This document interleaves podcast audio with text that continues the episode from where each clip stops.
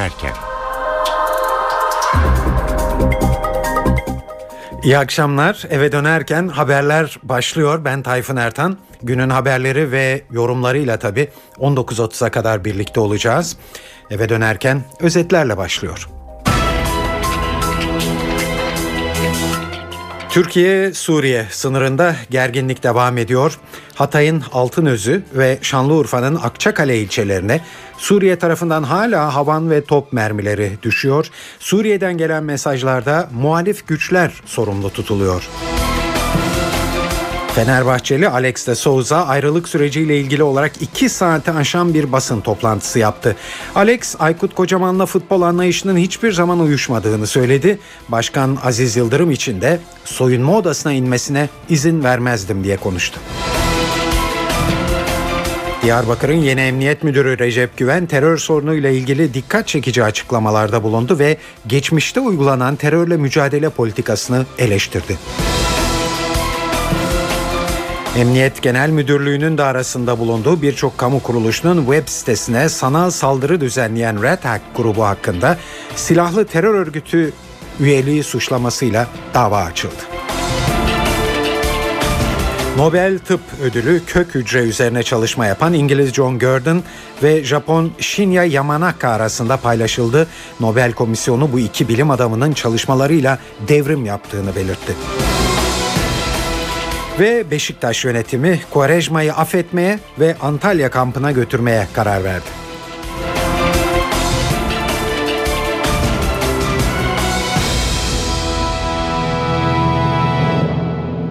İyi akşamlar. Türkiye-Suriye sınırında tansiyon yüksek seyrediyor. Hatay'ın Altınözü ve Şanlıurfa'nın Akçakale ilçelerinde dün akşam saatlerinden bu yana Suriye tarafından gelen havan ve top mermileri tedirginlik yaratıyor. Bugün öğlen saatlerinde Hatay'ın Altınözü ilçesinde pamuk işçilerinin çalıştığı tarlaya bir havan topu düştü. Olayda yaralanan ya da ölen olmadı. Önce Hatay'a gidelim. Bölgedeki son durumu NTV muhabiri Gökhan Gerçek'ten öğrenelim. Ölen ya da yaralanan yok. Havan topun nereye düştüğü konusunda bir tespit yapılmaya çalışıyordu. O tespit yapıldı. Türkiye tarafına düştüğü anlaşıldı. Pamuk tarlasının ortasına düştü. Pamuk işçilerin çalıştığı bir bölge burası. Pamuk tarlalarının oldukça geniş yer kapladığı bölgelerden bir tanesi. Pamuk işçileri tarlada çalışırken tam ortalarına düştü ama neyse ki ölen ya da yaralanan yok. Dünden bu yana 12 saat içerisinde Hacıpaşa beldesinde Suriye tarafından Türkiye'ye gelen ikinci top mermisi olduğunu söyleyebiliriz. Burada kritik çatışmalara gibi Gebe, Gebe bölge e, Azmarin kasabası bulunuyor. E, çok sayıda ordu birliğinin yer aldığı bir kasaba. E, Esat yanlısı e, köylülerin kaldığı bir kasaba. Bunun 3 kilometre batısında Zambakiye bölgesi var. İşte Zambakiye bölgesinde muhaliflerin konuşlandığı bölge. Çok sayıda mağara var. Muhaliflere silah desteği geldiği ve önümüzdeki saatlerde bölgede çatışmaların yaşanabileceği elimize ulaşan bilgiler arasında. Türk ordusu bir taraftan da karşı taraftaki sıcak çatışmalara paralel Türkiye sınırının karşı tarafını takviye etmeyi sürdürüyor. Reyhanlı'ya da bu takviye oldu. Harin kasabasında Suriye tarafında sı- sıcak çatışmalar vardı. Onun paralelinde Reyhanlı bölgesi var. Cilve gözü karşısına e, çok sayıda obüs topu e, yerleştirildi. E, ilk olaylar başladı günden bu yana Türkiye isabet eden her bombanın hemen ardından misilleme gerçekleşiyor. Evet Şanlıurfa'nın Akçakale ilçesi de 5 kişinin hayatını kaybettiği patlamanın tedirginliğini hala üzerinden atabilmiş değil. İlçede haftalardır eğitime ara verilmiş durumda. Buradaki son durumu NTV muhabiri Can Ertuğ anlatıyor bizlere. Şu anda Akçakale sınırı sıfır noktasındayız. Türk askeri zırhlı personel taşıyıcılarla nöbet halindeler. Kısa bir süre öncesine kadar bu noktada geliş geçişi kontrol etmek için piyade biçiminde, yaya biçimde devreye geziyorlardı. Ancak dün top mermisi buraya isabet ettikten sonra sabah saatlerinden itibaren açıkçası top mermilerinin patlama sesleri yaklaştıkça daha sık sıkı önlemler alındı ve bu şekilde artık Türk askeri sınır boylarında beklemekte. ZPT'lerin içinde çelik yelekleri ve kompozit miğferleri üstlerinde sınırın diğer tarafını e, Akçakale'nin karşısındaki Tel Abyad tarafını gözlemekteler. Biraz da ilçedeki son durumla ilgili bilgi verelim. Gerilim azalmadığı için bugün açılması beklenen okullar açılmadı. 107 okul var Akçakale ilçe merkezinde ve kırsal bölgelerde, köylerde. Bazılarında taşımalı eğitim yapılıyor. Yani kilometrelerce öteden öğrenciler bu okullara taşınıyorlar. Ancak birçok öğrenci bugün geldikleri okulun kapısından geri dönmek durumunda kaldılar. 7.30 sularında biz de bir okulun Süleymanşah İlköğretim Okulu'nun bahçesindeydik. Açılacak mı açılmayacak mı soru işaretleri akşamın ilerleyen saatlerine kadar yanıt bulmamıştı. Sabahta pek çok öğrenci üniformaları sırtlarında çantalarıyla okula geldiler ancak kısa bir süre sonra duyurdu. İlçe geneline de saat 8.30 sularında yapılan merkezi anons sistemiyle yapılan e, anons hoparlörler vasıtasıyla duyuruldu. Okullar açılmıyor. Peki Suriye tarafı bu top ve havan topu mermilerine ne diyor? Onu da özetlersek Suriye'den gelen mesajlarda Türkiye'ye düşen top mermilerinden muhalifler sorumlu tutuluyor.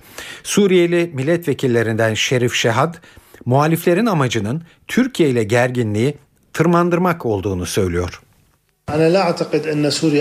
Türkiye'ye ateş açmak Suriye hükümetinin çıkarına değil. Türkiye yönelik top atışlarından silahlı muhalif gruplar sorumlu.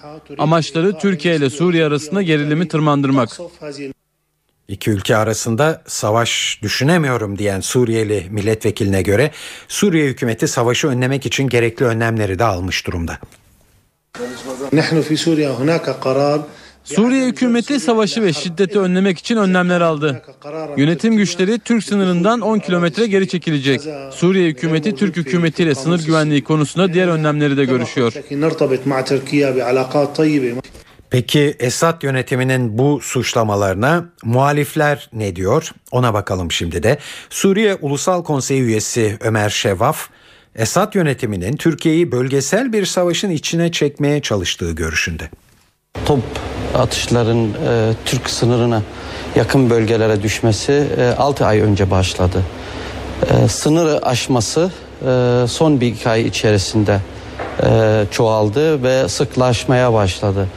E, ilk düştüğü zaman e, mehul bölgelerden, e, köylerden veya kasabalardan uzak düşmesiyle beraber e, bir kaza yorumları e, üzerinde odak e, odaklaşıldı. Ancak e, son e, birkaç hafta içerisinde e, kaza noktasından çıkıp e, bence bir e, kas ciddi bir kasıt vardır ve o da bir çıkış olarak yani rejim bir e, bölgesel bir savaş yaratma e, seçeneğin beşinde.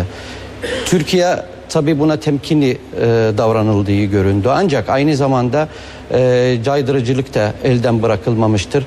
Tahmin ederim bu e, şu andaki yaşanan durum bir tampon bölgeye yaratmaya adım adım gidiyor. Sınırdaki gelişmeler başkent Ankara'da yakından izlenmekte. Yeni yasama döneminin ilk Bakanlar Kurulu toplantısı bugün Suriye gündemiyle toplandı. Ayrıntılı bilgiler için NTV muhabiri Ercan Gürses'e kulak veriyoruz tampon bölge seçeneği net bir şekilde konuşulmaya başlandı. Tabii bu tampon bölge seçeneği daha önce de telaffuz edilmişti. 100 bin sayısına ulaşıldığı zaman hem psikolojik sınır açısından hem de zaten uluslararası kurallar gereği Türkiye'nin bir tampon bölge kurma ihtimalinin arttığı yönünde bir değerlendirme vardı. Bugün Bakanlar Kurulu'nda bu konu değerlendirilecek. Hükümet Sözcüsü Bülent Arınç Bakanlar Kurulu sonrasında da bu konuyla ilgili ayrıntılı bir açıklama yapabilir. Tabii Suriye ile ilgili yaşananlar son dönemde gelen top mermileri Türkiye'nin misilleme karşılık vermesi ve ardından yaşanan kanunlarla birlikte tezkerenin çıkartılması, bu tezkerenin hangi şartlarda kullanılabileceği artık yetki hükümette dolayısıyla Bakanlar Kurulu toplantısında Bakanlar Kurulu'nda bununla ilgili değerlendirme de yapılacak şüphesiz. Evet Suriye sınırındaki sıcak gelişmeler de Cumhurbaşkanı Abdullah Gül'ün de gündemindeydi. E, Gül Suriye'deki durum böyle devam edemez eninde sonunda bir geçiş olacak diye konuştu. Bu açıklamanın ayrıntılarını da e, Didem Tuncay anlatıyor. Cumhurbaşkanı Abdullah Gül Suriye'de en kötü senaryoların gerçekleşmekte olduğunu söyledi. Suriye'deki durum böyle devam etmesi beklenemez Suriye'deki durumun. Eninde sonunda bir geçiş olacaktır dedi. Ne gerekiyorsa yapılıyor, yapılmaya devam edecek ifadelerini kullandı. E, mevcut süreçte e, hükümetle ve genelkurmay başkanlığıyla devamlı istişare içinde olduklarını da söyledi Cumhurbaşkanı. Diğer taraftan uluslararası camiaya da bir e, çağrıda bulundu ve e, uluslararası camianın etkin şekilde davranması şarttır diye düşünüyorum dedi. Açıklamalarından öne çıkan başlıklar bu şekilde.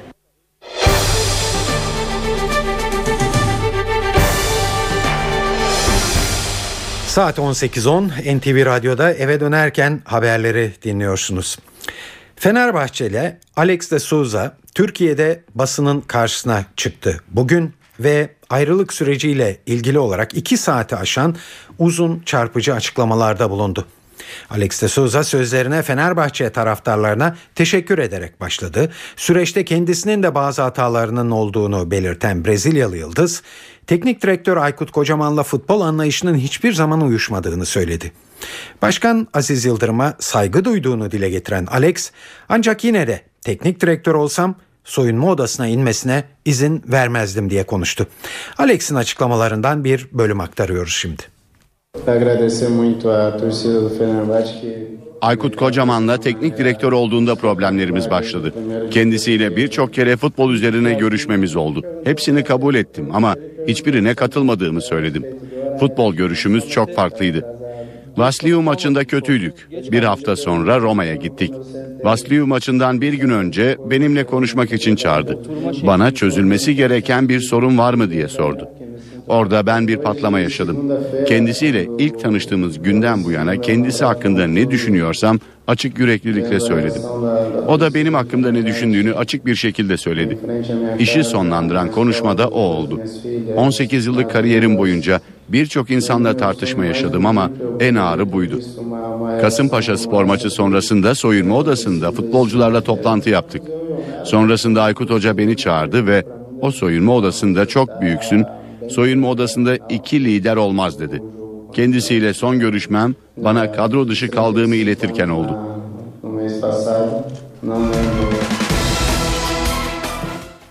Evet bugün Alex'in merakla beklenen açıklamalarından kısa bir süre önce Fenerbahçe'den dikkat çekici bir istifa haberi geldi. Brezilyalı oyuncunun 2006'dan bu yana tercümanlığını yapan Samet Güzel kulüpteki görevinden ayrıldı. Samet Güzel geçtiğimiz hafta Başkan Aziz Yıldırım'ın Alex'i suçlayan açıklamaları sırasında adeta bir tanık olarak gösterilmişti. Samet Güzel istifasını Twitter hesabından duyurdu ve büyük bir gururla senelerdir emek verdiğim kulübüm Fenerbahçe'den kendi isteğimle ayrılmış bulunuyorum ifadelerini kullandı.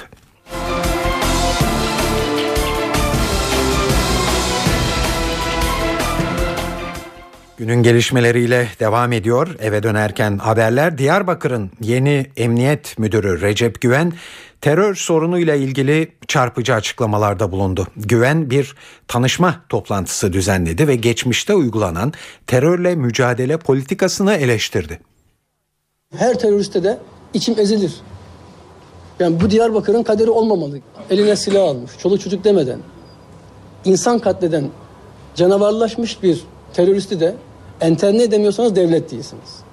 Ben bu iki duygu arasında gidip geliyorum. Benim yitik evladım dağa çıkmış. Keşke, keşke ulaşabilseydim. Keşke ben ona normal bir hayat sunabilseydim. Keşke onun terörize olmasına mani olabilseydim diye ağlarım. 1991 ile 1996 yılları arasında Diyarbakır'da görev yaptığını anlatan yeni genel müdür o zamanki hataların şu an yaşananların temelini oluşturduğu görüşünde. Boşaltılan her köyün geleceğimize tehdit olduğunu biliyorduk. Meçhule giden insanların herhangi bir sisteme tabi olamayacağını da biliyorduk. Belki bir mecburiyetti. Belki acil bir karardı. Geçmişi eleştirmek gibi bir olumsuzluğa girmek istemem. Ama bugün yaşadığımız sorunun temelinde bu var. Evet Recep Güven'in bu açıklamalarının bireysel görüşün ötesinde bir anlamı var mı? Hürriyet gazetesi yazarı Şükrü Küçükşahin, Diyarbakır Emniyetindeki atamanın direkt başbakanın talimatıyla gerçekleştiğini hatırlatıyor bizlere. Küçükşahin, Emniyet Müdürü'nün bu açıklamalarının önümüzdeki dönemde terör konusunda izlenecek politikalar hakkında ipuçları taşıdığını belirtiyor. Sayın Emniyet Müdürü bildiğim kadarıyla e, Sayın Başbakan tarafından özellikle oraya tercih edilmiş bir isimdir. Bu açıdan çok önemsiyorum. İkincisi e, Diyarbakır'ın Emniyet Müdürü'nün söylemiyle İçişleri Bakanı'nın söylemini yan yana koyduğumuzda tam bir zıtlık e, görüyoruz. E, Diyarbakır Emniyet Müdürü gerçekten e, önemli bir empati kurmaya çalışıyor. E, Aslında bu tip söylemler e, nereden gelirse gelsin bir ölçüde teşvik edilmesi gerekir. Bu teröre taviz olarak da değerlendirilmemeli. Örneğin Hüseyin Aygün olayı e, hükümet ve çevreleri tarafından doğru kullanılmadı. E, onu da burada görmek lazım. Hüseyin Aygün ne dedi? İyi çocuklar dedi ama bir şey daha söyledi. Kandil'le bu çocuklar arasında fark var dedi. Bu çocuklar dağdan inmek istiyorlar dedi. Şimdi e, Emniyet Müdürü'nün açıklamasını da e, böyle görmeli ve bu açıdan önemsemeli. Şimdi İçişleri Bakanı ile aralarındaki farka e, dikkat çektim. Bir merakım var. Yakında bir bakanlar kurulu değişir mi?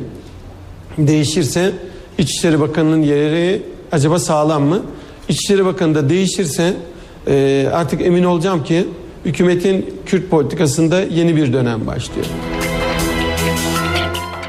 Saat 18.15 e, hızla İstanbul, İstanbul'daki yol durumuna bir göz atalım. E, şimdi Büyükşehir Belediyesi Trafik Kontrol Merkezi'nden Murat Kazanasmaz anlatıyor.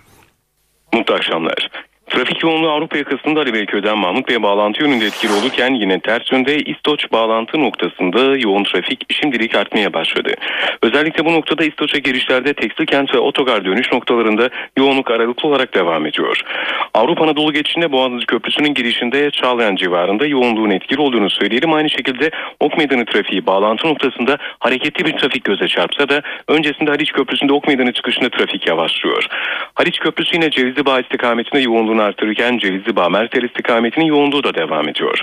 Avrupa Anadolu geçişinde Fatih Sultan Mehmet Köprüsü'nün girişi ve köprü üzerinde yoğunluk başladı. Tam olarak yoğunluğun başlangıç noktası Maslak katılımı öncesinde Kemerburgaz ve Akşemsettin Viyadüğü'nde hareketli bir trafik var. Ters yöne dikkat edecek olursak Kemerburgaz trafiği Akşemsettin Viyadüğü istikametine yoğunlaştı ve bu noktadan sonra Mahmut Bey'e doğru yaklaştıkça yoğunluk biraz da artıyor. Anadolu yakasında Çamlıca Altunizade istikametinde yoğunluk devam ederken Altunizade iç kısımlardaki yoğunluk da arttı.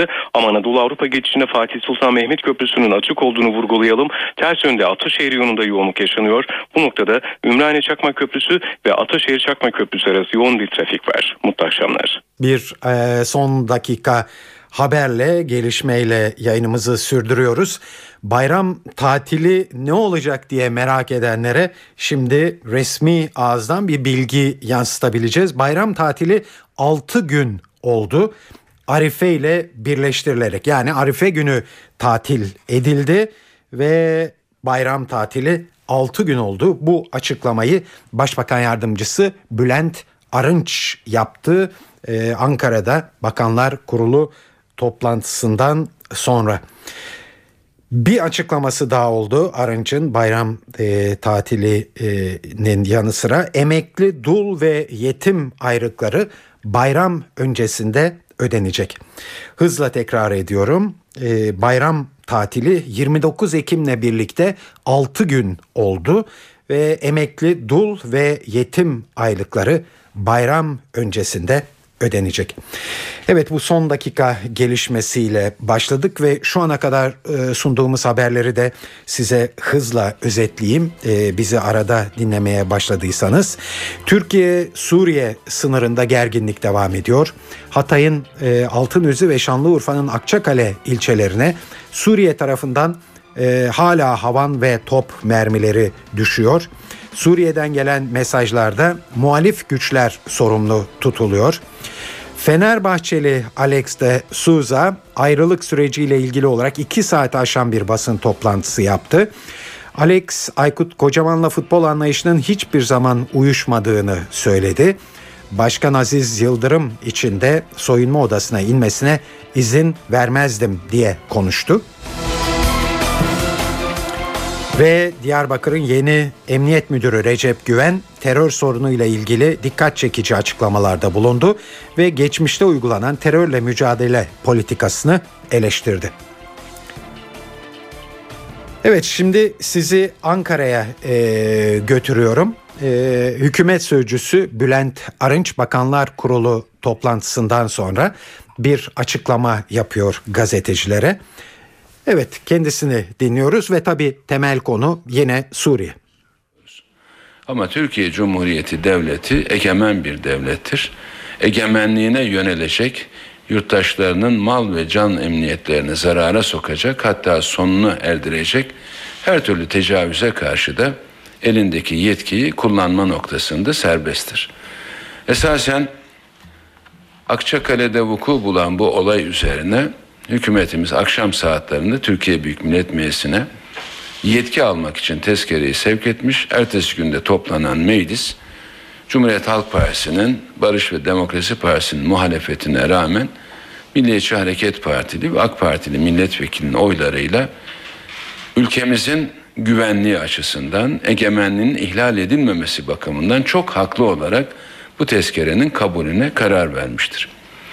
Şüphesiz bu tezkere laf olsun diye çıkarılmamıştır. Bu yetki dostlar alışverişte görülsün yetkisi de değildir. Elbette barışı hepimiz ister ve arzu ederiz.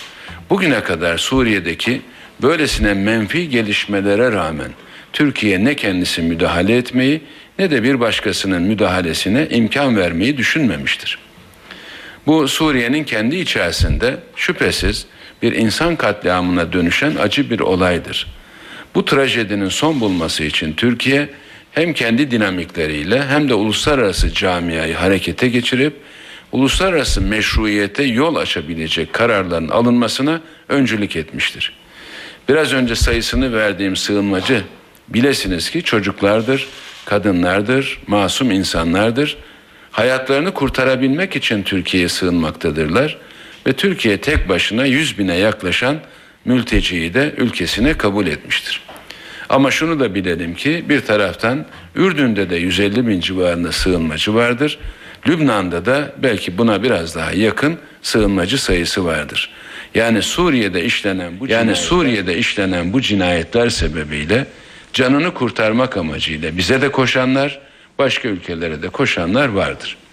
Türkiye tüm masraflarını kendisi karşılamak suretiyle bütün bu sığınmacılara en yani insanın ihtiyaç duyabileceği her şeyi de temin etmeye çalışmaktadır. Dolayısıyla tezkereyi aldık. Bundan sonrası savaş diye hiç kimsenin aklına gelmesin. Biz barışçı bir ülkeyiz. Savaşı düşünmeyiz, aklımıza da getirmeyiz.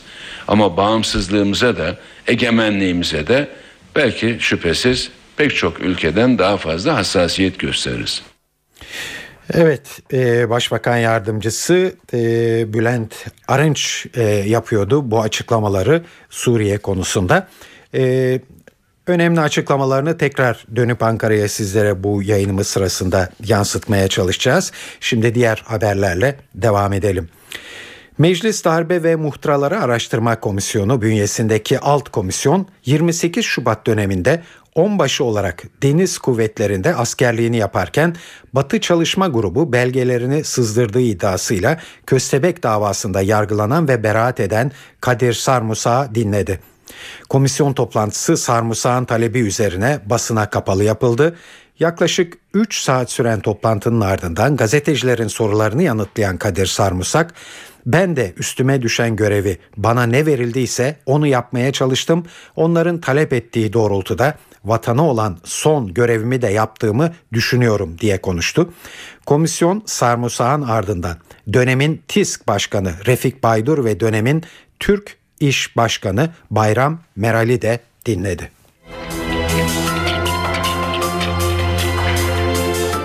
Hükümetin meclise sevk ettiği yeni belediyeler yasa tasarısıyla 13 il belediyesi Büyükşehir Belediyesi kapsamına alınacak. Meclise sevk edilen tasarı nüfusu 750 bini aşan illeri ilgilendiriyor. Hangi illerin bu kapsama alınacağını NTV muhabiri Ercan Gürses'e soruyoruz. Belediyeler Kanunu meclise sunuldu dedik ve 13 yeni büyükşehir belediyesinin olması söz konusu ve bu kanunun 27 Ekim'e kadar çıkartılması hedefleniyor. Zira 27 Ekim'de seçim yapılması öngörülüyor. Bu seçime yetişmesi için bir sene öncesinden bu değişikliğin bitirilmesi lazım. Dolayısıyla önümüzdeki günlerde bu değişiklik yasalaşacak. Aydın, Balıkesir, Denizli, Hatay, Malatya, Manisa, Kahramanmaraş, Mardin, Muğla, Tekirdağ, Trabzon, Şanlıurfa, Van 13 büyükşehir belediyesi yani 16 olan büyükşehir belediyesi sayısı 29'a çıkacak. Yine bazı iller iller ki 14 il var bunların arasında. Ankara, İzmir, Adana gibi iller de var. Bunların il sınırları mülki idare sınırları olacak. Tabi buradaki köyler mahalle olacak. Beldelerde ilçe belediyelerine bağlanacak. Yani aralarında Ankara ve İzmir'in bulunduğu bu iller köy ve beldelerden artık arındırılmış olacak. Onların köy ve beldesi olmayacak.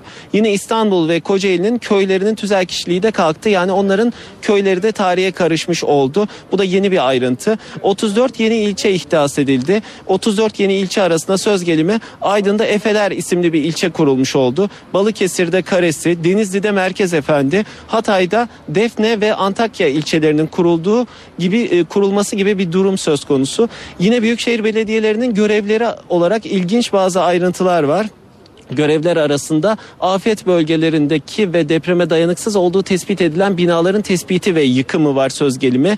Mabet e, gibi yerlere, ibadethane olarak kullanılan yerlere bu arada caminin yanı sıra cemevlerine de içme suyunun ücretsiz olarak verilebilmesi düzenlemesi var. Yine mabetlerin yapımı gibi belediyelere yüklenen bir görev söz konusu. Tasarı ile ilgili son bir ayrıntı, ilginç bir ayrıntı. Bundan böyle büyükşehir belediye başkanları ve valilere de kırmızı yani diplomatik pasaport pasaport alma hakkı verilecek.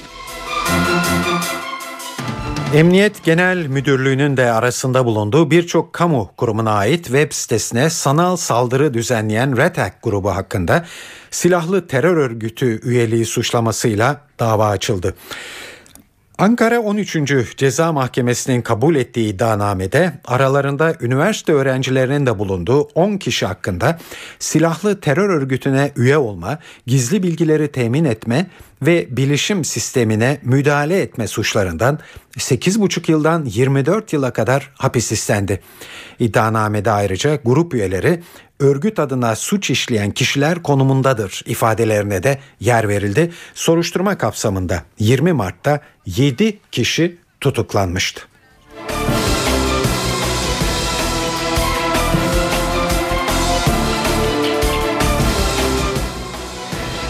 Evet bundan 5 dakika kadar e, önce e, bayram tatilinin süresinin ne olacağı konusunda resmi açıklama geldi. Herkesin merak ettiği bu soruya Başbakan Yardımcısı Bülent Arınç Bakanlar Kurulu toplantısından hemen sonra açıklık getirdi. E, bunları size e, duyuracağım şimdi. Bayram tatili 9 gün mü 6 gün mü sorusu da böylece netletmiş oldu. Bülent Arınç Arefe gününü ve 29 Ekim Cumhuriyet Bayramı'nı Kurban Bayramı tatiliyle birleştirerek 6 günlük resmi tatil ilan ettiklerini söyledi. Arınç bayramda tüm otoyol ve köprülerin ücretsiz olacağını ekledi. Ayrıca emekli dul ve yetim aylıklarının da bayramdan önce ödeneceğini açıkladı. Evet, Arife günü ve 29 Ekim birleştirilerek Kurban Bayramı tatili ile birlikte 6 günlük resmi tatil ilan edilmiş oluyor böylelikle. Evet saat 18.34 bu son dakika gelişmesini sizlere duyurduktan sonra bir de hava durumuna bakalım isterseniz şimdi. Türkiye genelinde son e, gelişmeleri Gökhan Abur anlatıyor. İyi akşamlar. Yeni haftaya serin ve yağışlı hava koşullarıyla başladık. Bugün öğle saatlerinde rüzgarın karayla dönmesi ve kuvvetlenmesiyle hava Trakya'dan başlayarak hissedilir derecede soğudu ve batı bölgeler yer yer kuvvetli sağanakların etkisine girdi. Serin ve yağışlı havanın ülke geneldeki etkisini hafta boyu sürdürmesini bekliyoruz. Yarın batıda yağış etkisini kaybedecek ama hava serin. Sıcaklıklar 18 ile 20 derece arasında değişirken Marmara'nın doğusu ve Batı Karadeniz'de hafif, doğuda ise aralıklı, Doğu Karadeniz'de ise yer yer kuvvetli sağanaklar görülecek. Sağanakların özellikle Ordu, Giresun, Trabzon, Rize, Artvin boyunca çok daha kuvvetli olmasını bekliyoruz. Yarın Doğu Anadolu ve Akdeniz'de yerel sağanaklar var. Çarşamba günü yağışlar Akdeniz'e daha kuvvetli olmak üzere Doğu Karadeniz ve Doğu Anadolu'da devam edecek. İç Anadolu'da da yerel yağışlar görülecek. Marmara'da ise çarşamba günü sabah ve gece saatlerinde yer yer etkili olmak üzere sis bekliyoruz. Evet İstanbul'da hızlı bir soğuma oldu ve bu soğumaya bağlı olarak yarın beklediğimiz en yüksek sıcaklık 19 dereceyi geçmeyecek. Gece sıcaklıkları da 11-12 dereceler civarında. Ankara'da bu akşam yağmur devam edecek. Yarın yerel yağışlar var. Sıcaklık gündüz 20 gece ise 9 dereceye kadar inecek. İzmir'in kuzey kesimlerinde geceye kadar yağış var. Yarın yağış etkisini kaybedecek. Sıcaklık gündüz 23 gece ise 14 dereceye inecek. Hepinize iyi akşamlar diliyorum. Hoşçakalın. NTV Radyo'da eve dönerken haberleri dinliyorsunuz. Hepimizin yanıtını merakla beklediği soru bayram tatilinin süresinin ne olacağı. Bakanlar Kurulu toplantısında yanıtlandı. Ee, Başbakan Yardımcısı ve Hükümet Sözcüsü Bülent Arınç, Arife gününü ve 29 Ekim Cumhuriyet Bayramı'nı Kurban Bayramı tatiliyle birleştirerek 6 günlük resmi tatil ilan ettiklerini söyledi.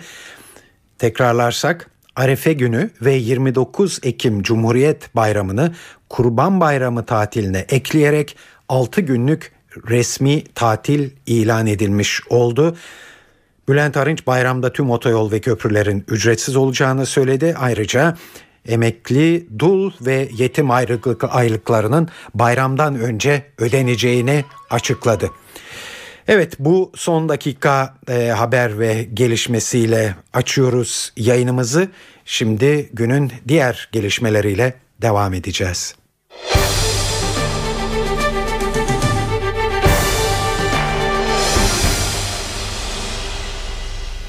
Latin Amerika ülkelerinden Venezuela'da devlet başkanlığı seçimi vardı hafta sonunda ve halk bir kez daha Chavez dedi. 14 yıldır iktidarda olan Chavez %54 oy alarak muhalefetin adayı Capriles'e 10 puan fark attı. Devlet Başkanlığı sarayından on binlere hitap eden Chavez başarısını sosyalizmin ve devrimin zaferi olarak nitelendirdi. Sosyalizm için, bağımsızlık için oy verdiniz. Venezuela'nın iyiliği için oy verdiniz. Muhalefet cephesinde ise hüzün vardı. Mağlubiyeti kabul ederek Chavez'i kutlayan Capriles, Venezuela'nın her köşesine tohumlar ektik. Bu tohumlar gelecekte yüzlerce ağaca dönüşecek dedi. Esos seis, más de 6 millones de venezolanos 6 milyondan fazla Venezuelalı yalnız değil. Onlara söylemek istediğim ben zafere ulaşamadım ama insanlar da yenilgiye uğramadı. İnsanlar bir yol açtı. İlk olarak 1999 yılında iktidara gelen Chavez seçim kampanyasında sosyalizme giden Bolivar devrimini tamamlamak için bir 6 yıla daha ihtiyacı olduğunu söylüyordu. Önemli bir petrol üreticisi olan Venezuela'da Chavez son 10 yıldır yüksek seyreden petrol fiyatları sayesinde sağlık, eğitim ve toplu konut projelerini finanse etme fırsatı da buldu. Chavez'in 6 yıllık 4. dönemi 10 Ocak'ta başlayacak. Ekonomik Kalkınma ve İşbirliği Örgütü OECD'nin Genel Sekreteri Angel Gurria, Türkiye'nin ekonomik gidişatını NTV'ye değerlendirdi.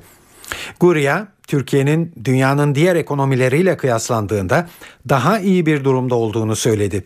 Ticaret yaptığı ülkelerin krize girmesiyle Türkiye'nin de zorlanmaya başladığının altını çizen OECD Başkanı, Türkiye'nin atması gereken adımlar olduğuna dikkat çekti. Toplantılarda Türk temsilcilere başkalarının ekonomik krizinden ve problemlerinden bahsedilirken bu kadar çok gülmeyin diyorum. Çünkü Türkiye diğer OECD üyelerinin aksine büyüme, istihdam ve enflasyon konularında gayet iyi iş çıkarıyor. Ancak bu yıl siz de yavaşlıyorsunuz. Sebep de ticaret yaptığınız ülkelerin krizde olması. Türkiye izole ve yalnız bir ülke değil, önemli bir ülke. Olup biten onu da etkileyecek. Bu nedenle ülke içe dönüp kendi durumunu gözden geçirmeli ve verimliliği arttırmalı.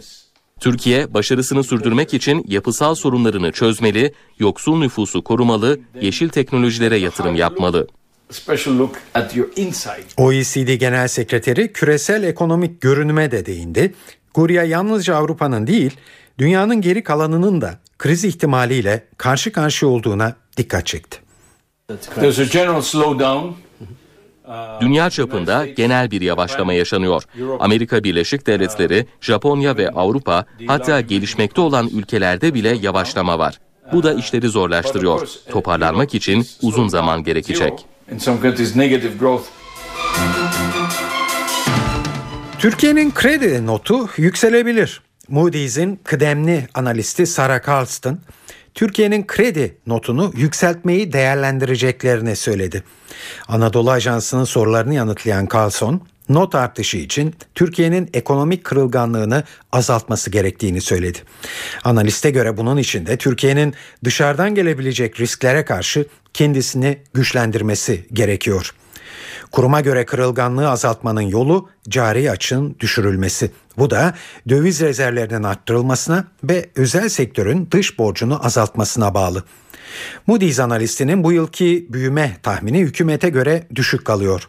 Ekonomi yetkilileri %4'ün hemen altında bir büyüme beklerken Moody's'in beklentisi %3. Almanya Başbakanı Angela Merkel krizin başlangıcından bu yana ilk kez Atina'yı ziyaret etmeye hazırlanırken Yunanistan'da sular durulmuyor. Son olarak maaşlarına öngörülen kesintiyi protesto eden emekliler bir gösteri düzenledi. Kemerleri sıkma politikalarına baş kaldıran emekliler Merkel'in ziyareti öncesi Avrupa Birliği'nin bayrağını da yaktı. Yunanistan yeni kemer sıkma önlemleri karşılığında yaklaşık 14 milyar euroluk bir kredi dilimi daha almaya çalışıyor. Merkel'in salı günkü ziyareti öncesinde Yunanistan'daki havayı NTV Atina muhabiri Stelio Berberakis anlatıyor.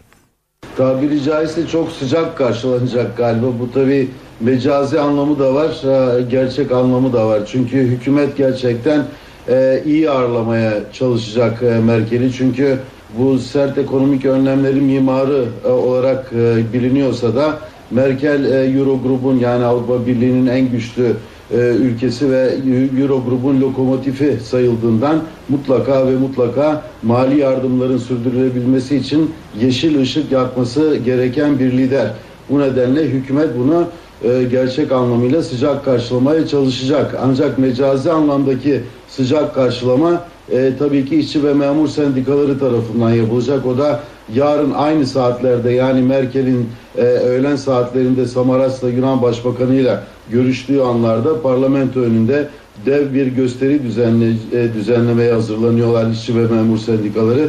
Kaldı ki en aşırı sağdan en aşırı sola kadar uzanan e, ve muhalefet partileri de bu e, dev protesto gösterimlerinde yer alacaklar ve Merkel'e sert ekonomikler e, sert ekonomik önlemler e, Yunan halkını dize getirdiği mesajını vermeye çalışacaklar. Zaten bu nedenle e, Buket çok sıkı yoğun güvenlik önlemleri alınmış durumda Yunanistan'da. Hatta bu akşamdan itibaren bazı bölgelere yani sokağa çıkma yasağı demesek de yani aynı yerlerde toplantılara e, toplantı yapılmasına e, yasaklar e, getirilecek bu akşamdan itibaren ve yarın akşama kadar. E, dolayısıyla yarın 7 binden fazla polisin görev e, e, görev e, yapacak e, bu Atina caddelerinde. Sindagma ve Omonia alanları dışında kalan e, yerlerde de gösterilerin e, yasaklandığı açıklandı az önce.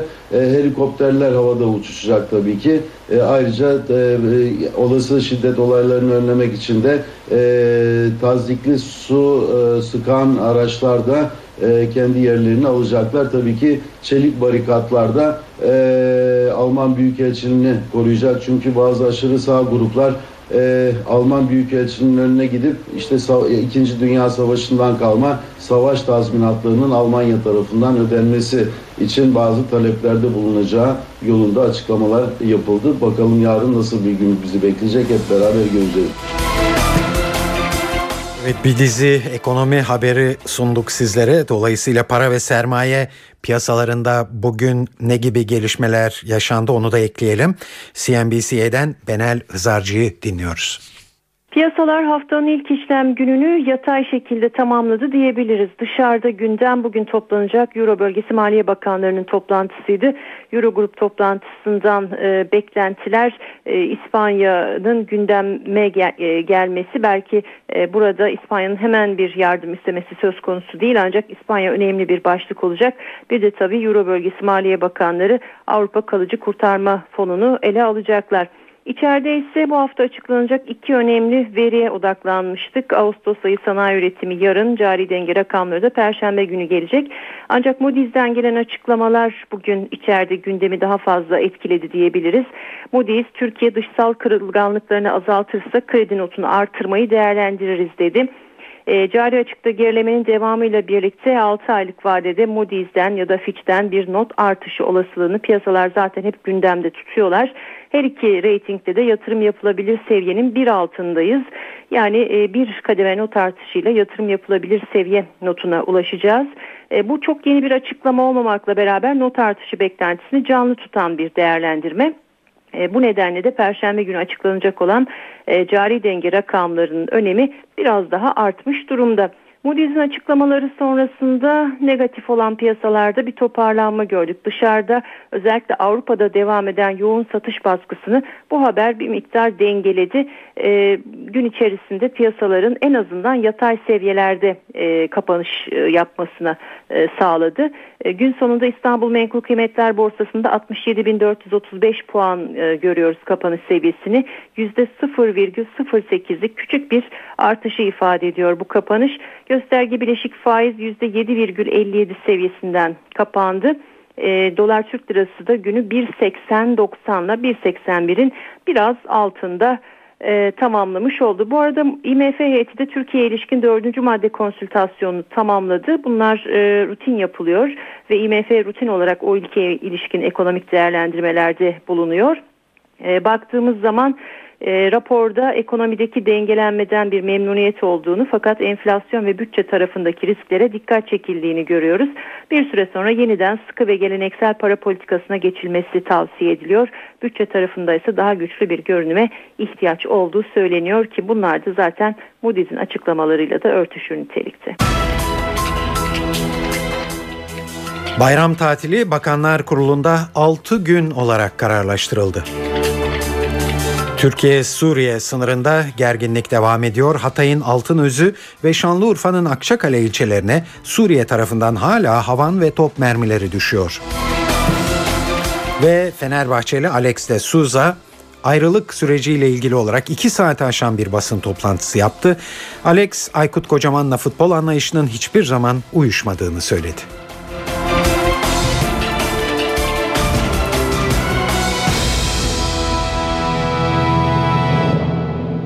İyi akşamlar. Herkesin yanıtını merakla beklediği soru bayram tatili 9 gün mü 6 gün mü sorusu bugün Bakanlar Kurulu'nda yanıt buldu. Başbakan Yardımcısı ve Hükümet Sözcüsü Bülent Arınç Arife gününü ve 29 Ekim Cumhuriyet Bayramı'nı Kurban Bayramı tatiliyle birleştirerek 6 günlük resmi tatil ilan ettiklerini söyledi. Arınç ayrıca bayramda tüm otoyol ve köprülerin ücretsiz olacağını ekledi. Emekli, dul ve yetim ayrılıklarının da bayramdan önce ödeneceğini açıkladı. Evet hızla özetlersek Kurban Bayramı 6 güne uzatıldı. Bunun içinde Arife günü Kurban Bayramı ve 29 Ekim Cumhuriyet Bayramı birleştirildi. Böylece 6 günlük resmi tatil ortaya çıkmış oldu.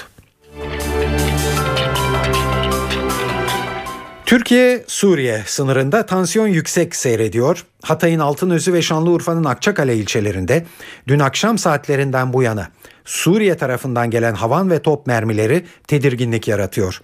Bugün öğlen saatlerinde Hatay'ın Altınözü ilçesinde pamuk işçilerinin çalıştığı bir tarlaya havan topu düştü. Olayda ölen ya da yaralanan olmadı. Önce Hatay'a gidelim. Bölgedeki son durumu NTV muhabiri Gökhan Gerçek'ten öğrenelim. Ölen ya da yaralanan yok. Havan topun nereye düştüğü konusunda bir tespit yapılmaya çalışıyordu. O tespit yapıldı. Türkiye tarafına düştüğü anlaşıldı. Pamuk tarlasının ortasına düştü. Pamuk işçilerin çalıştığı bir bölge burası. Pamuk tarlalarının oldukça geniş yer kapladığı bölgelerden bir tanesi. Pamuk işçileri tarlada çalışırken tam ortalarına düştü ama neyse ki ölen ya da yaralanan yok. Dünden bu yana 12 saat içerisinde Hacıpaşa beldesinde Suriye tarafından Türkiye'ye gelen ikinci top mermisi olduğunu söyleyebiliriz. Burada kritik çatışmalara gibi gebe bölge e, Azmarin kasabası bulunuyor. E, çok sayıda ordu birliğinin yer aldığı bir kasaba. E, Esat yanlısı e, köylülerin kaldığı bir kasaba. Bunun 3 kilometre batısında Zambakiye bölgesi var. İşte Zambakiye bölgesinde muhaliflerin konuşlandığı bölge. Çok sayıda mağara var. Muhaliflere silah desteği geldiği ve önümüzdeki saatlerde bölgede çatışmaların yaşanabileceği elimize ulaşan bilgiler arasında. Türk ordusu bir taraftan da karşı taraftaki sıcak çatışmalara paralel Türkiye sınırının karşı tarafını takviye etmeyi sürdürüyor. Reyhanlı'ya bu takviye oldu. Harin kasabasında Suriye tarafında sı- sıcak çatışmalar vardı. Onun paralelinde Reyhanlı bölgesi var. Cilve gözü karşısına e, çok sayıda obüs topu e, yerleştirildi. E, ilk olaylar başladığı günden bu yana Türkiye isabet eden her bombanın hemen ardından misilleme gerçekleşiyor. Şanlıurfa'nın Akçakale ilçesi de 5 kişinin hayatını kaybettiği patlamanın tedirginliğini henüz üzerinden atabilmiş değil. İlçede haftalardır eğitime ara verilmiş durumda. Akçakale'deki son durumu NTV muhabiri Can Ertuna'dan alıyoruz. Şu anda Akçakale sınırı sıfır noktasındayız. Türk askeri zırhlı personel taşıyıcılarla nöbet halindeler. Kısa bir süre öncesine kadar bu noktada geliş geçişi kontrol etmek için piyade biçiminde yaya biçimde devreye geziyorlardı. Ancak dün top mermisi buraya isabet ettikten sonra sabah saatlerinden itibaren açıkçası top mermilerinin patlama sesleri yaklaştıkça daha sık sıkı önlemler alındı ve bu şekilde artık Türk askeri sınır boylarında beklemekte. ZPT'lerin içinde çelik yelekleri ve kompozit miğferleri üstlerinde sınırın diğer tarafını e, Akçakale'nin karşısındaki Tel Abyad tarafını gözlemekteler. Biraz da ilçedeki son durumla ilgili bilgi verelim. Gerilim azalmadığı için bugün açılması beklenen okullar açılmadı. 107 okul var Akçakale ilçe merkezinde ve kırsal bölgelerde, köylerde bazılarında taşımalı eğitim yapılıyor. Yani kilometrelerce öteden öğrenciler bu okulları taşınıyorlar. Ancak birçok öğrenci bugün geldikleri okulun kapısından geri dönmek durumunda kaldılar. 7.30 sularında biz de bir okulun Süleyman Şah İlköğretim Okulu'nun bahçesindeydik. Açılacak mı açılmayacak mı soru işaretleri akşamın ilerleyen saatlerine kadar yanıt bulmamıştı. Sabah da pek çok öğrenci üniformaları sırtlarında çantalarıyla okula geldiler ancak kısa bir süre sonra okulları duyurdu. İlçe geneline de saat 8.30 sularında yapılan merkezi anons sistemiyle yapılan e, anons hoparlörler vasıtasıyla duyuruldu. Okullar açılmıyor. Peki acaba Suriye tarafı bu top ve havan topu mermilerine ne diyorlar? Özetlersek Suriye'den gelen mesajlarda Türkiye'ye düşen top mermilerinden muhalifler sorumlu tutuyor, tutuluyor ve muhaliflerin amacının Türkiye ile gerginliği tırmandırmak olduğu söyleniyor. Sınırdaki bu gelişmeler başkent Ankara'da yakından takip edilmekte. Yeni yasama döneminin ilk Bakanlar Kurulu toplantısında gündemde Suriye vardı. Toplantıdan gelen bilgileri NTV muhabiri Ercan Gürses derliyor.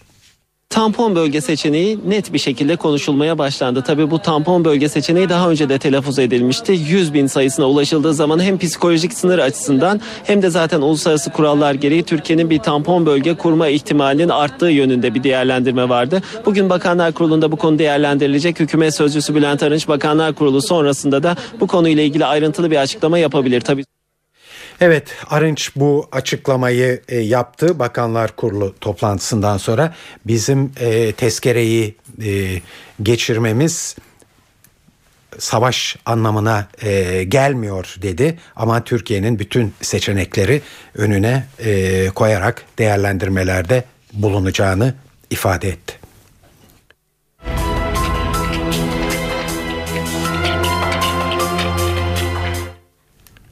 Fenerbahçeli Alex de Souza basının karşısına çıktı bugün ve ayrılık süreciyle ilgili olarak iki saati aşan uzun çarpıcı açıklamalarda bulundu. Alex de Souza sözlerine Fenerbahçe taraftarlarına teşekkür ederek başladı. Süreçte kendisinin de bazı hatalarının bulunduğunu belirten Brezilyalı Yıldız, teknik direktör Aykut Kocaman'la futbol anlayışının hiçbir zaman uyuşmadığını ifade etti. Başkan Aziz Yıldırım'a saygı duyduğunu dile getiren Alex, ancak yine de teknik direktör olsam soyunma odasına inmesine izin vermezdim diye konuştu. Alex'in açıklamalarından bir bölüm aktaralım şimdi. Aykut Kocaman'la teknik direktör olduğunda problemlerimiz başladı. Kendisiyle birçok kere futbol üzerine görüşmemiz oldu. Hepsini kabul ettim ama hiçbirine katılmadığımı söyledim. Futbol görüşümüz çok farklıydı. Vasliu maçında kötüydük. Bir hafta sonra Roma'ya gittik. Vasliu maçından bir gün önce benimle konuşmak için çağırdı. Bana çözülmesi gereken bir sorun var mı diye sordu. Orada ben bir patlama yaşadım. Kendisiyle ilk tanıştığımız günden bu yana kendisi hakkında ne düşünüyorsam açık yüreklilikle söyledim. O da benim hakkımda ne düşündüğünü açık bir şekilde söyledi. İşi sonlandıran konuşmada o oldu. 18 yıllık kariyerim boyunca birçok insanla tartışma yaşadım ama en ağırı buydu. Kasımpaşa spor maçı sonrasında soyunma odasında futbolcularla toplantı yaptık. Sonrasında Aykut Hoca beni çağırdı ve o soyunma odasında çok büyüksün, soyunma odasında iki lider olmaz dedi. Kendisiyle son görüşmem bana kadro dışı kaldığımı iletirken oldu.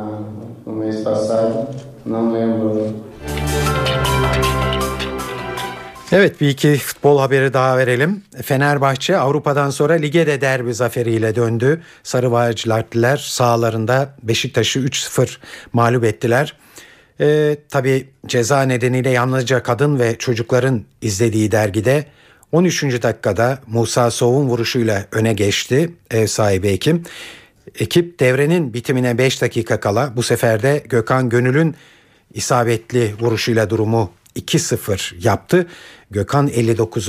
dakikada skoru belirleyen golü attı. Maçın ardından teknik direktör Samet Aybaba takım halinde bir düşüş yaşadıklarını ifade etti. E, Fernandez gibi bir oyuncumuzun basit bir şekilde kaptırdığı toptan golü yiyince e, motivasyonumuz ve dengemiz bozuldu. Zaten kırmızı karttan sonra e, oyunun kontrolünü tamamen kaybettik.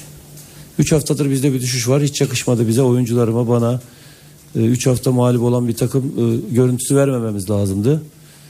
Oyuncularımda da bireysel düşüş var. Takım olarak da düşüş var. Bu önümüzdeki hafta e, bu konularla ilgili çalışıp bir tedbir almamız gerekiyor. Evet bu maç sonrasında Ümraniye Nevzat Demir tesislerinde gece bir hayli gergin geçti. Bir grup Beşiktaş taraftarı tesislerin önüne gelerek takım yönetimi ve teknik kadronun istifasını istedi. Süper Lig'de Gaziantep Spor ve Sivas Spor karşısında alınan yenilgilerin ardından Fenerbahçe'ye de 3-0 mağlup olması Beşiktaşlı taraftarların sabrını taşırmış göründü. Çok sayıda çevik kuvvet ekibi olayların büyümemesi için tesis önünde geniş güvenlik önlemleri aldı. Taraftarlar siyah beyazlı takımın kaptanı İbrahim Toraman'ın önünü kestiler. Bir müddet taraftarların tepkisini dinleyen Toraman aracıyla daha sonra tesislerden ayrıldı. Beşiktaş'la ilgili olarak bir son e, gelişme Beşiktaş yönetimi Quaresma'yı affetmeye ve Antalya kampına götürmeye karar aldı. Bugün teknik direktör Samet Aybaba, Başkan Fikret Orman ve Futbol Komitesi'nden Tamer Kıran'ın yaptığı toplantıda Quaresma konusu yeniden ele alındı ve milli maçlar nedeniyle e, lig arasında yapılacak kampta Quaresma'nın da olması gerektiğine e, oy birliğiyle karar verildi. Portekizli oyuncu bugün gittiği ülkesinden geri çağrılacak ve Antalya'da çarşamba günü başlayacak kampa katılması istenecek. Emniyet Genel Müdürlüğü'nün de arasında bulunduğu birçok kamu kurumuna ait web sitesine sanal saldırı düzenleyen Red Hack grubu hakkında silahlı terör örgütü üyeliği suçlamasıyla dava açıldı. Ankara 13. Ceza Mahkemesi'nin kabul ettiği iddianamede aralarında üniversite öğrencilerinin de bulunduğu 10 kişi hakkında silahlı terör örgütüne üye olma, gizli bilgileri temin etme ve bilişim sistemine müdahale etme suçlarından 8,5 yıldan 24 yıla kadar hapis istendi. İddianamede ayrıca grup üyeleri örgüt adına suç işleyen kişiler korumundadırlar ifadelerine de yer verildi. Soruşturma kapsamında 20 Mart'ta 7 kişi tutuklanmıştı. Bosna Hersek'te yapılan yerel seçimden ülkenin ilk cumhurbaşkanı merhum Aliya İzzet Begoviç'in kurucusu olduğu Demokratik Eylem Partisi kazandı. Demokratik Eylem Partisi 125 belediyeden 34'ünü aldı. Lahey'de yargılanmakta olan Sırp Radovan Karadziç'in bir zamanlar başkanı olduğu Sırp Demokrat Partisi ise 27 belediye kazandı. Seçim sonuçlarının ayrıntılarını NTV muhabiri Burbuçe Ruşiti bildiriyor. Bosna Hersek'te savaştan sonra 5. kez yerel seçimler düzenlendi. Seçimlerin odak noktası Srebrenica'ydı. Bosna e, Hersek'te 1995 yılının Temmuz ayında soykırıma sahne olan Srebrenica'da Boşnak partilerin tek adayı olan Çamil Durakovic seçimleri kazandığını açıkladı. Dört Boşnak Partisi e, soykırımı inkar eden Sırp adayın seçilmemesi için Durakovic'i ortak aday olarak göstermişti. Boşnakların seçim zaferinde Oyum Srebrenica'ya adlı sivil toplum örgütünün de payı büyük. Ee, örgüt savaş döneminde evlerinden sürgün edilen çok sayıda Boşnak'ın ikametini seçimler öncesinde Srebrenica'ya geri taşımıştı. Ee, zaferini ilan eden Çamil Durakovic de 1995'te Srebrenica'da ölüm yürüyüşündeydi. Ee, ölümden kurtulabildi ve yıllar önce e, Srebrenica'ya geri döndü. Durakovic zaferini ilan ettiğinde bu zafer Çamil Durakovic'in zaferi değildir. Bu zafer Bosna Hersek halkının Srebrenica halkının zaferidir dedi. Barcelona'nın dün Real Madrid'le oynadığı El Clasico'ya İsrailli asker Gilad Shalik'i davet etmesi Filistinlilerin öfkesini çekti. Hatırlayacaksınız Hamas'ın elinde rehin tutulan Gilad Shalit bin Filistinli mahkum karşılığında geçtiğimiz yıl serbest bırakılmıştı. Dünkü maça Shalit'in de davet edilmesi Filistinlileri çok öfkelendirdi. Bir grup Filistinli tepkilerini Kudüs'teki İspanyol konsolosluğu önünde açtıkları pankartla gösterdi. Bir diğer tepki ise Gazze şeridinde gösterildi. Şalid'in salı verilmesinin karşılığında serbest bırakılan bir grup Filistinli mahkum futbol oynayarak iki kulübü protesto etti. Futbol bizim sevdiğimiz bir spor. Özgürlük ve sevgi mesajı veren bir spor. Bu yüzden bir askerin bu spora dahil edilmesine karşıyız. Evet Barcelona kulübü ise gelen tepkiler üzerine maçı izleme talebinin Şalit'ten geldiğini duyurmuştu. Kulüp Filistinlilerden gelen tepki üzerine İsrail'in hapse attığı ve geçtiğimiz aylarda özgürlüğüne kavuşan Filistinli futbolcu Mahmut Sarsak'ı da maça davet etmişti ancak Sarsak maça gitmeyi reddetmişti.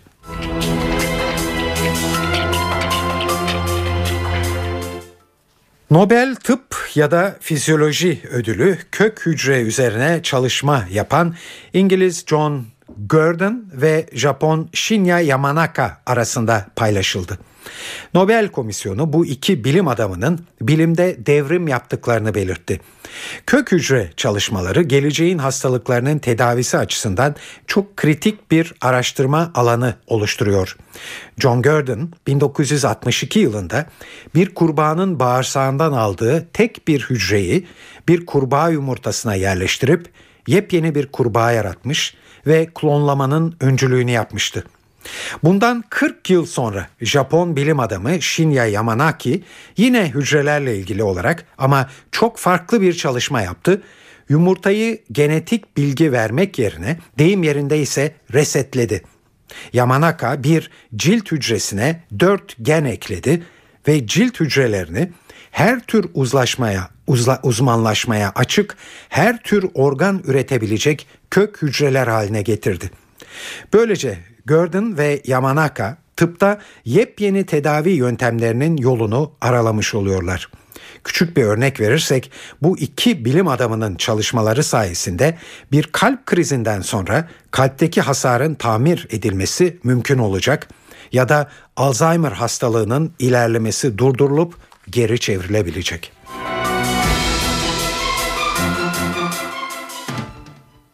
Evet şimdi e, kültür sanat e, faaliyetlerinden derlediğimiz bir e, haberimiz var sırada.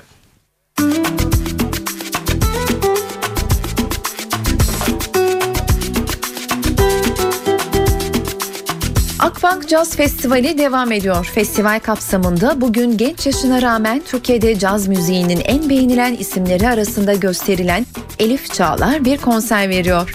Soldan Bossa'ya, folk'tan pop'a, rock'tan reggae'ye geçişler yapan şarkılarını topladığı Music albümüyle beğeni toplayan Çağlar, saat 19'dan itibaren Galatasaray Üniversitesi Aydın Doğan Auditorium'unda. İstanbul'un disiplinler arası festivali Perafest devam ediyor. Festival kapsamında bugün Kind of Kai grubu konser verecek. Miles Davis'in efsane albümü Kind of Blue'yu flamenco tarzında yorumlayacak olan grubun konseri saat 21.30'da başlayacak. İlk konserini 15 yaşında Cemal Reşit Rey yönetimindeki orkestra veren duayen piyanist Banu Sözüyar, bugün Kadıköy Süreyya Operası'nda bir konser verecek. Uzun yıllardır Almanya'da yaşayan ve kariyerini de yurt dışında sürdüren Sözüyar, konserde besteci Altuğ Ünlü'nün kendisine ithaf ettiği Constructions Poetic adlı eseri yorumlayacak. Konser saat 20'de başlayacak. İstanbul Üniversitesi 2012-2013 eğitim öğretim dönemine bir dolu feste başlıyor. 13 Ekim'e kadar sürecek festivalde gençler eğlenceye ve spora doyacak. Bugün Duman'ın konseri var kampüste. Konser saat 21'de başlayacak. Ünlü komedyen Cem Yılmaz da bugün Türker İnanoğlu Maslak Show Center'da. Gösteri saat 21'de. Anlattığı öykülerle izleyenleri geçmişte bugün üzerinde kurduğu köprüde gezdiren, bize ait gerçek değerleri anlatan Suna Yakın, bugün Ankara Devlet Tiyatrosu Şinasi sahnesinde etkinlik saati 20. Antalya Altın Portakal Film Festivali başladı. Festival kapsamında bugün AKM Aspendos'ta Devir adlı film görülebilir. Derviş Zaim'in yönettiği filmde Burdur'un Hasanpaşa köyünde her yıl yapılan çoban yarışması geleneği anlatılıyor. Film saat 20.30'da başlayacak. Aksin Plaza'da ise Michael Haneke'nin Aşk adlı filmi var. 80 yaşındaki bir çiftin öyküsünü anlatan film bu yıl Cannes'da Altın Palmiye'yi kazanmıştı.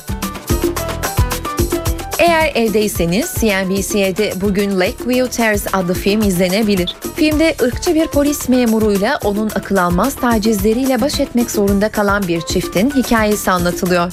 Filmin kötü adamı rolünde Samuel L. Jackson var. Film saat 22'de başlayacak. Öncesinde ise 19'da Better With You, 20'de The Axes ve 21'de de CSI New York dizileri ekranda olacak. E2'de 22'de Conan, 23'te Breaking Bad olacak. Star'da da saat 20'de O Ses Türkiye adlı yarışma programı var. 23'te ise Babalar ve Evlatlar final bölümüyle ekrana gelecek.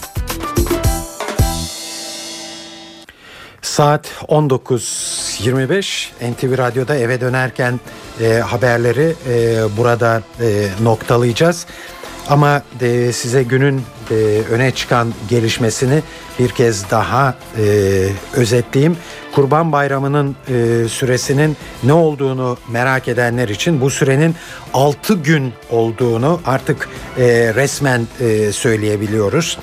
Bu nasıl oldu? Arife günü tatil ilan edildi ve Kurban Bayramı 29 Ekim'le birleştirildi. Böylece toplam e, gün e, sayısı 6 güne ulaştı. Bu açıklamayı Başbakan Yardımcısı Bülent Arınç bugün Ankara'da Bakanlar Kurulu toplantısından sonra yaptı. Ayrıca e, Bülent Arınç emeklilerin, dul ve yetimlerin ayrılık aylıklarının bayram öncesinde e, ödeneceğini de belirtti. Evet bir kez daha tekrarlarsak Kurban Bayramı'nın süresi 6 gün olarak e, açıklandı. Arife günü tatil ilan edildi ve 29 Ekim'le birlikte Kurban Bayramı 6 güne uzamış oldu. Evet eve dönerken haberler burada sona eriyor. Bu akşamki e, haberlerin editörlüğünü Onur Koçaslan, e, teknik e, stüdyo e, çalışmasını ise İsmet Tokdemir yaptı. Ben Tayfun Ertan. Hepinize iyi akşamlar diliyorum. Hoşçakalın.